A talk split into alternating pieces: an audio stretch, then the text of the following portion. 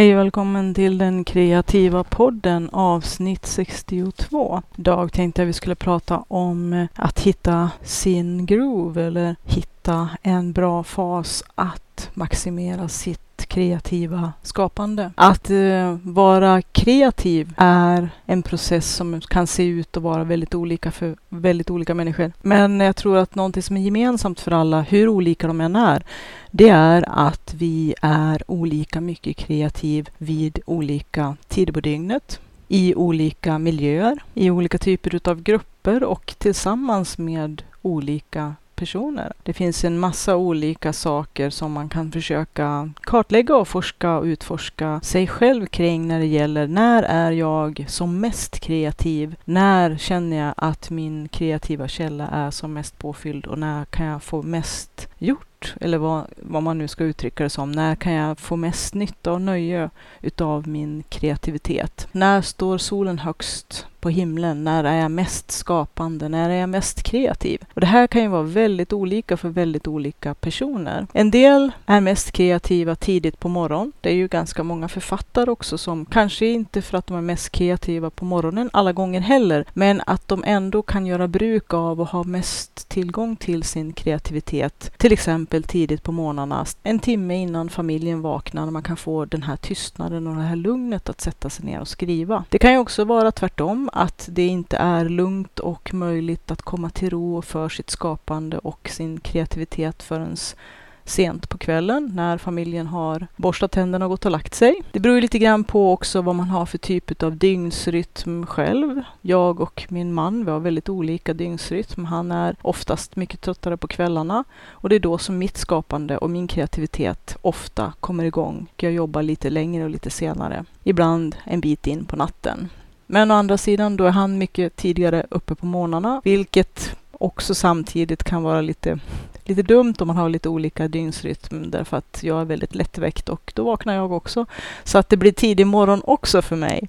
Men det är smällar man får ta och eh, lite grann så synkar man väl ihop sig kanske över tid. Han har väl blivit lite mera kvällsnattuggla eh, eh, och jag kanske är lite mera tidigare på morgnarna. Och eh, det kan ju ha sina för och nackdelar. Man kan ju bli lite mera trött så att man kanske behöver ta igen sömn. Så det är väl kanske nackdelen med att eh, försöka hitta utrymmen utanför den vanliga dagen. Att eh, ha det här utrymmet för sin kreativitet och skapande. Men ibland kanske det är utav två onda ting det minst onda för att överhuvudtaget kunna få utrymmet och möjligheten att skapa och vara kreativ. Många författare har ju suttit på spårvagnen och skrivit och på bussar. Man också har utnyttjat pendlingstiden till och från jobbet och att det är en, en ganska fredad zon om man är en sån person som kan skriva och fungera kreativt i kanske lite surrigare och mera stökiga miljöer. Men det är ju väldigt många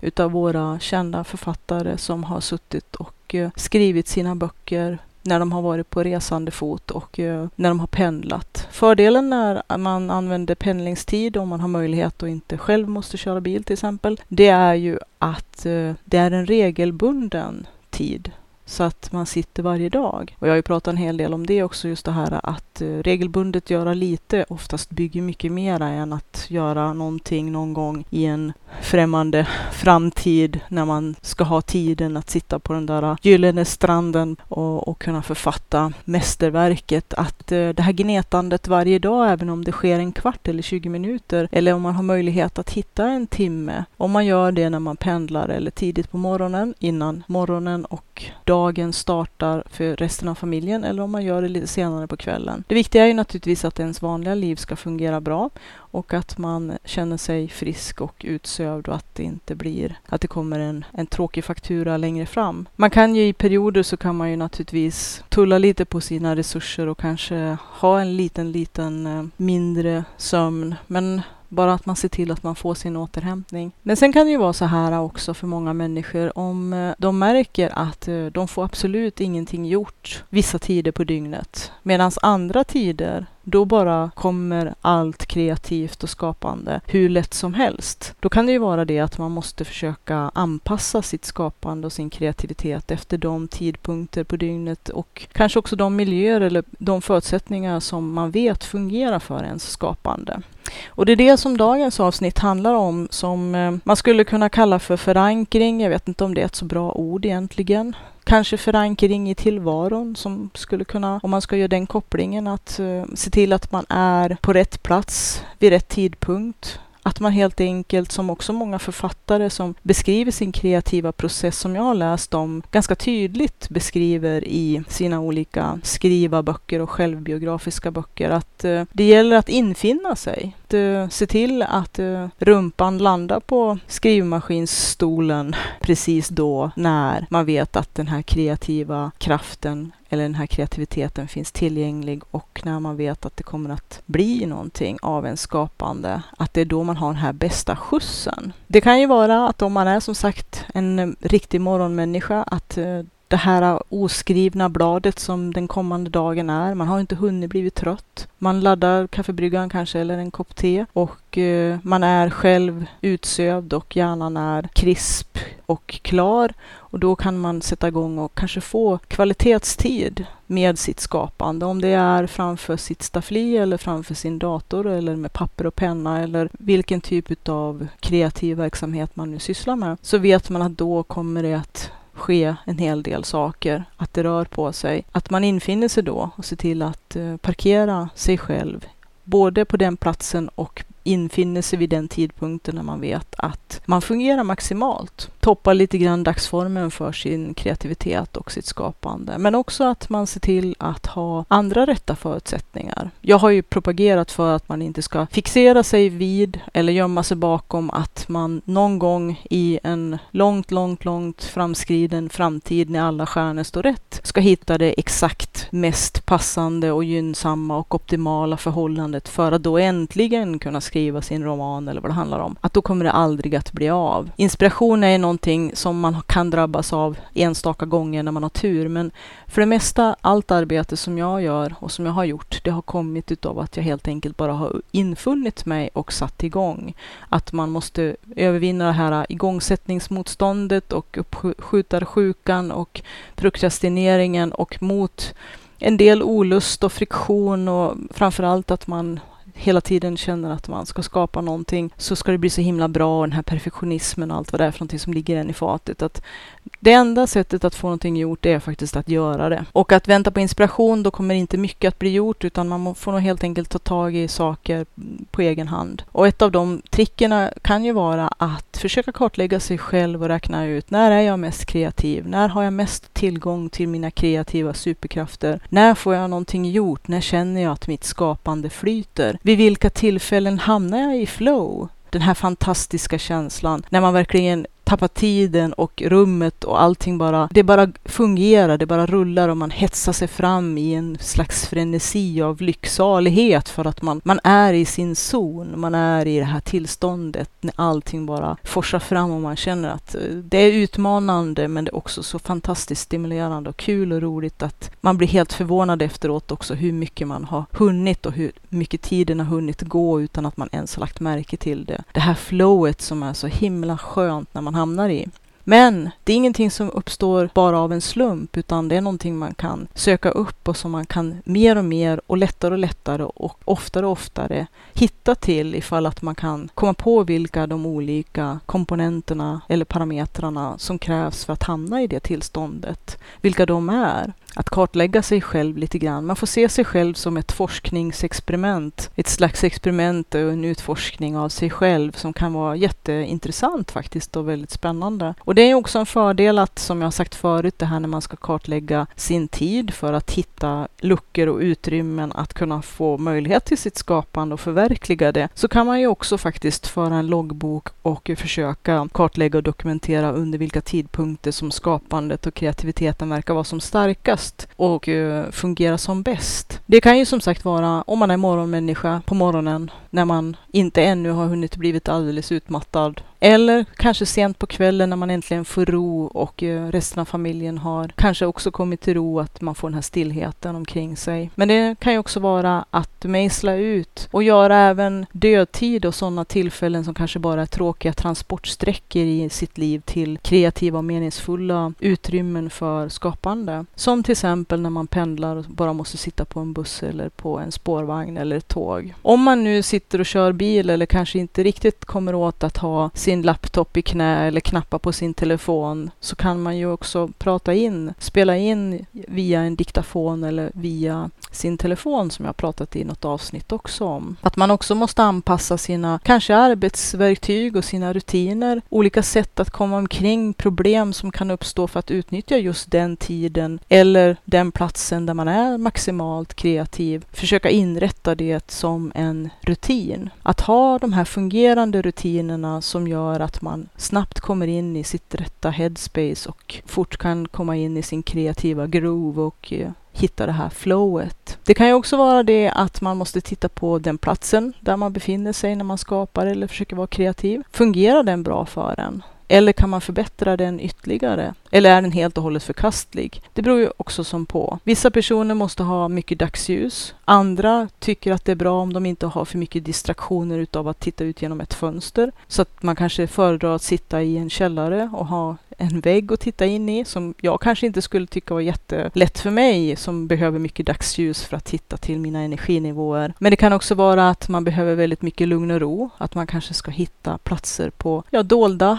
små hörn på ett café som kan bli ens lilla stammisställe. Det kan ju vara också en eh, lite lugn foyer på ett hotell eller någon, något, något annat ställe. Det kan ju vara ett studierum eller en undanskymd hörna på ett bibliotek där man vet att man inte kan bli störd utav en massa människor eller utav att disken står och skriker på bänken åt en. Det kan ju också vara att uh, försöka hitta till den rätta gruppen av människor. Alla är ju väldigt olika. En del skapar och är mest kreativa i sin ensamhet och kanske fungerar på det sättet. Men andra kan få tillgång till helt andra kreativa och skapande krafter och energier ifall att de är i rätt grupp med rätt människor. Att nätverka lite grann är alltid bra för att utvecklas. Men om man också har tur så kan man ju hitta personer som man kan antingen jobba sida vid sida vid, som jag har gjort. Man behöver inte ens jobba med samma saker, även om att det kan vara kul att ha någon att kunna ha lite shop talk med. Men bara det att man kanske har hyggligt samma vanor och att det kan vara trevligt att ibland då kunna byta några ord och socialisera och dricka en kopp kaffe. Även om man kanske har helt olika arbetsområden eller inriktningar kring det som man håller på med, som jag har upplevt. Det kan ju också vara det att man fungerar väldigt mycket bättre i samarbete. Det här äh, synergieffekterna utav att ett plus ett kan bli tre eller fem mycket mera än vad de ingående komponenterna eller personerna ensamma skulle bli eller vara. Det kan ju också vara någonting att tänka på. En del personer behöver ha lite mera kontakter med andra människor för att få den här energin och skapande lusten. Andra behöver dra sig tillbaka.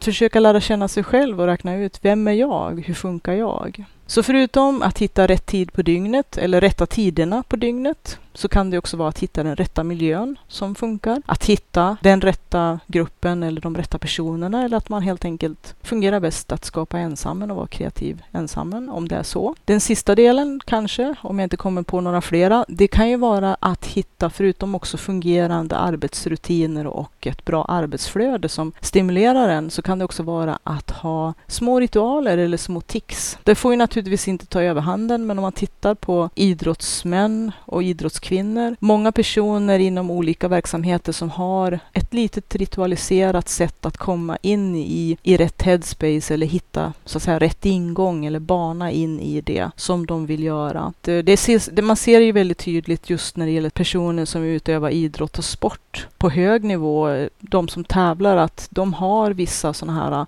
ritualer mer eller mindre tydliga för att, och jag har pratat om det i något tidigare avsnitt utav podden, bland annat äh, Ingmar Stenmark hade ju en väldigt simpel rutin att han, han lyfte på sina skidglasögon innan han störtade ner för slalombanan eller störtloppsbanan och att att eh, som jag har sett vissa, jag såg i alla fall speciellt en höjdhoppskvinna som hade en viss, ett visst rörelsemönster innan hon gjorde ansatsen och eh, genomförde hoppet. Att om man kan hitta ritualer för att eh, komma in i sin, komma på sin bana, att hitta till sin sele eller liksom komma, komma in i, sin, i sitt rätta headspace så är det ju faktiskt en jättebra, ett jättebra hjälpmedel. Om det, som sagt, det får inte bli att det tar över, att man hamnar i någon slags OCD-fälla OCD-fälla. Om man har de tendenserna så får man akta sig lite grann. Jag har ju inte så många rutiner egentligen mera, kanske än att koka en kopp kaffe, att det lite grann är min arbetsritual. Att jag vet att när jag har kokat kaffet och sitter med kaffekoppen, då har dagen och skapandet, den kreativa resan startat att det är startskottet för mig. Det kan ju för en del personer vara också att man behöver städa av sitt skrivbord och känna att man har en, en ren plats att jobba på. Att man har rätt stol som gör att man också ergonomiskt och att man orkar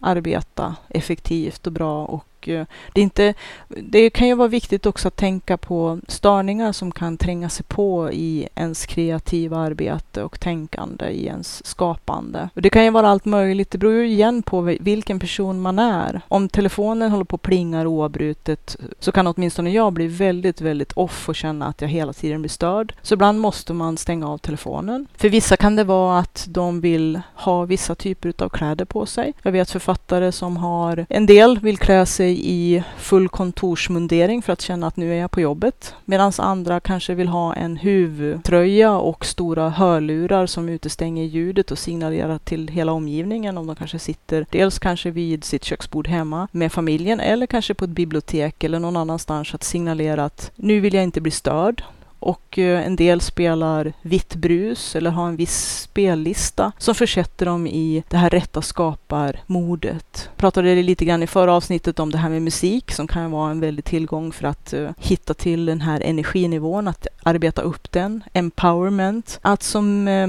rutin eller som ritual i sitt skapande liv så kan det vara att spela en spellista som försätter en i det här, nu ska jag skapa eller vara kreativ eller arbeta mot ord. Eller också då för att utestänga, ha en ljudmatta som blockerar ut allt som stör som kanske kan tränga sig på annars. Spela vitt brus, ha stora hörlurar, en luvtröja som fungerar lite grann som avskärmning. Det finns ju också en del som har olika små amuletter eller små mm, maskotar eller totemfigurer eller symboler. Det finns, eh, jag tror också inom eh, sport och idrottsvärlden en del som har sådana här små tokens eller små, små maskotar eller små saker, symboler. Det kan ju också vara ett visst klädesplagg som måste finnas med eller vara på. Risken med det kan ju vara naturligtvis att man eh, blir väldigt eh, låst vid att alltid ha det med. Så att man får väl tänka över sina ritualer och sina vanor och, och och eh, hur man inrättar sin, sitt arbete så att man inte bygger in sig i att det blir för många villkor som ska vara uppfyllda för att man ska komma in i rätt grov också. Så att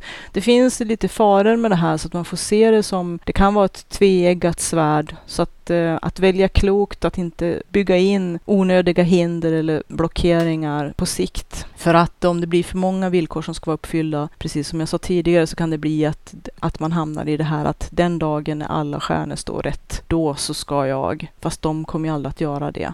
Så att eh, man ska se till att det är lättillgängliga saker, situationer och eh, omgivning och omständigheter som man lätt kan skapa och återskapa på så många ställen som möjligt naturligtvis. Att det ska vara så tillgängligt som det bara går att man inte ska, man ska ju skapa möjligheter för sitt kreativa liv och sitt kreativa skapande, inte bygga fler hinder och murar, gör att det blir mer och mer besvärligt. Att sitta och vänta på inspirationen som sagt, det är ingen option som jag ser det, för att då kan man få komma att vänta, att det blir väldigt få tillfällen som är vitt spridda och oftast inte kan leda till någonting sammanhängande. Men om man kan, eh, det är samma sak med det också, om man kan kanske motivera eller hitta vägar till att få en dejt med, eh, med sina musor eller med sin musa oftare. Den här inspirerande kraften som när den slår till, som också kan vara en bra, stark upplevelse, ungefär som med flow, eller kanske till och med kan komma tillsammans med varandra. Då är det ju fantastiskt om man kan hitta vägar in till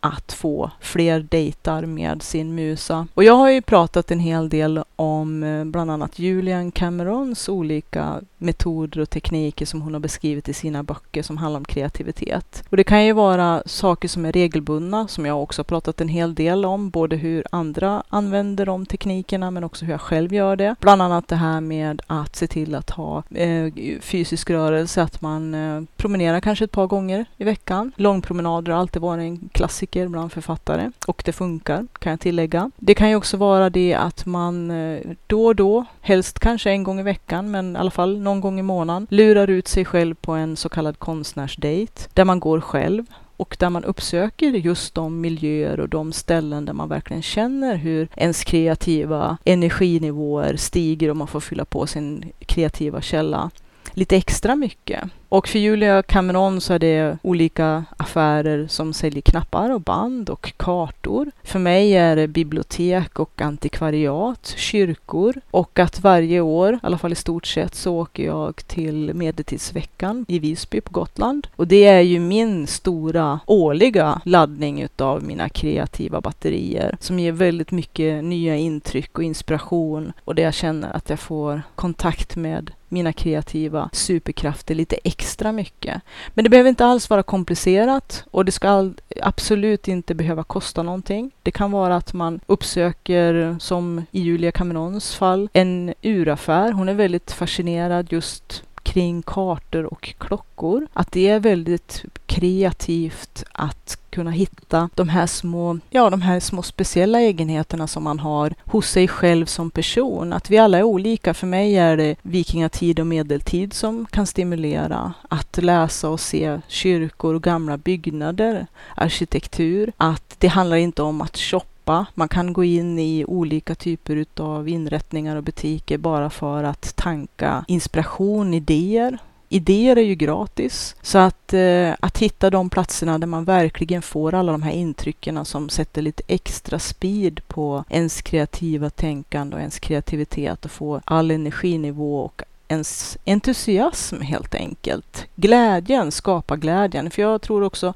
det här med energinivåer och glädje är lust. Att hitta lusten i sitt skapande och sin kreativitet.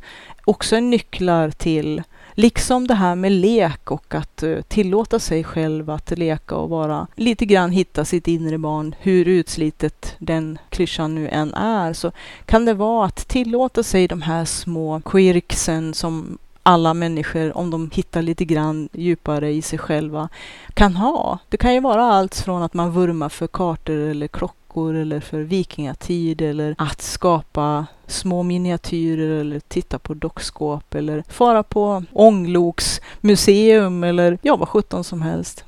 Det kan också vara i naturen, att naturen kan ju vara en otrolig källa till både avstressning och mindfulness, men också att man kan få väldigt mycket intryck som kan eh, göda och få ens kreativitet att uh, hitta nya vägar och växa och bli starkare ladda sina batterier, få tillbaka energier. Tiden och platsen, människorna, rutinerna, ritualerna, hitta kanske de ting som i maskotar eller små amuletter, att hitta sina kanske tics och eh, olika tricks som gör att man kan låsa upp sig själv och hamna i sin kreativa mod eller sin eh, grov. Att hitta till sitt flow. Det kan vara en fantastisk resa i sig. Också en fantastisk kreativ resa som, som jag har propagerat för att hela livet är, men som en delresa. Eller kanske en parallell resa tillsammans med ens livsresa, det skapande livet, det kreativa livet. Jag som pratar heter Katrin Sidharta Tangen. Mina kunder kallar mig ofta för Siddis för det är lite kortare och lättare att säga. Jag har en hemsida som man kan hitta på www.sidharta.se man kan också kika in på min Patreon-sida som heter www.patreon.com stavas p-a-t-r-e-o-n.com slash siddis Z-I-D-D-I-S och där det finns en hel del material och det kommer att komma mera material för dem som är Patreon och som supportar den här podden. Men Även material som är fritt för alla finns där att hitta och det kommer att komma mer. Jag håller på att bygga den sidan för brinnande livet och det kommer som sagt att också bli material som är för Patreon only. Om man betalar en liten summa varje månad för att supporta den här podden. Jag är ju författare och hjärnsmed. Man kan också hitta mig på Hellkärns hemsida www.hellkärn.se H-E-L-L-T-J-E-R-N.se Jag har skrivit en bok som handlar om forntida Jahren? Alla mina böcker kan man köpa på Bokus Adlibris och de vanliga ställena, men även i butiken som är länkad från www.sidharta.se. Där finns också en länk som heter bidra, så att om man vill bidra på andra sätt till den här podden eller till de kreativa olika verksamheter och mitt författarskap och min eh, arkeometallurgiska järnframställning så kan man hitta tips där. Jag hoppas att du har haft nytta och behållning av det här avsnittet och vi hörs igen. Ha det gott!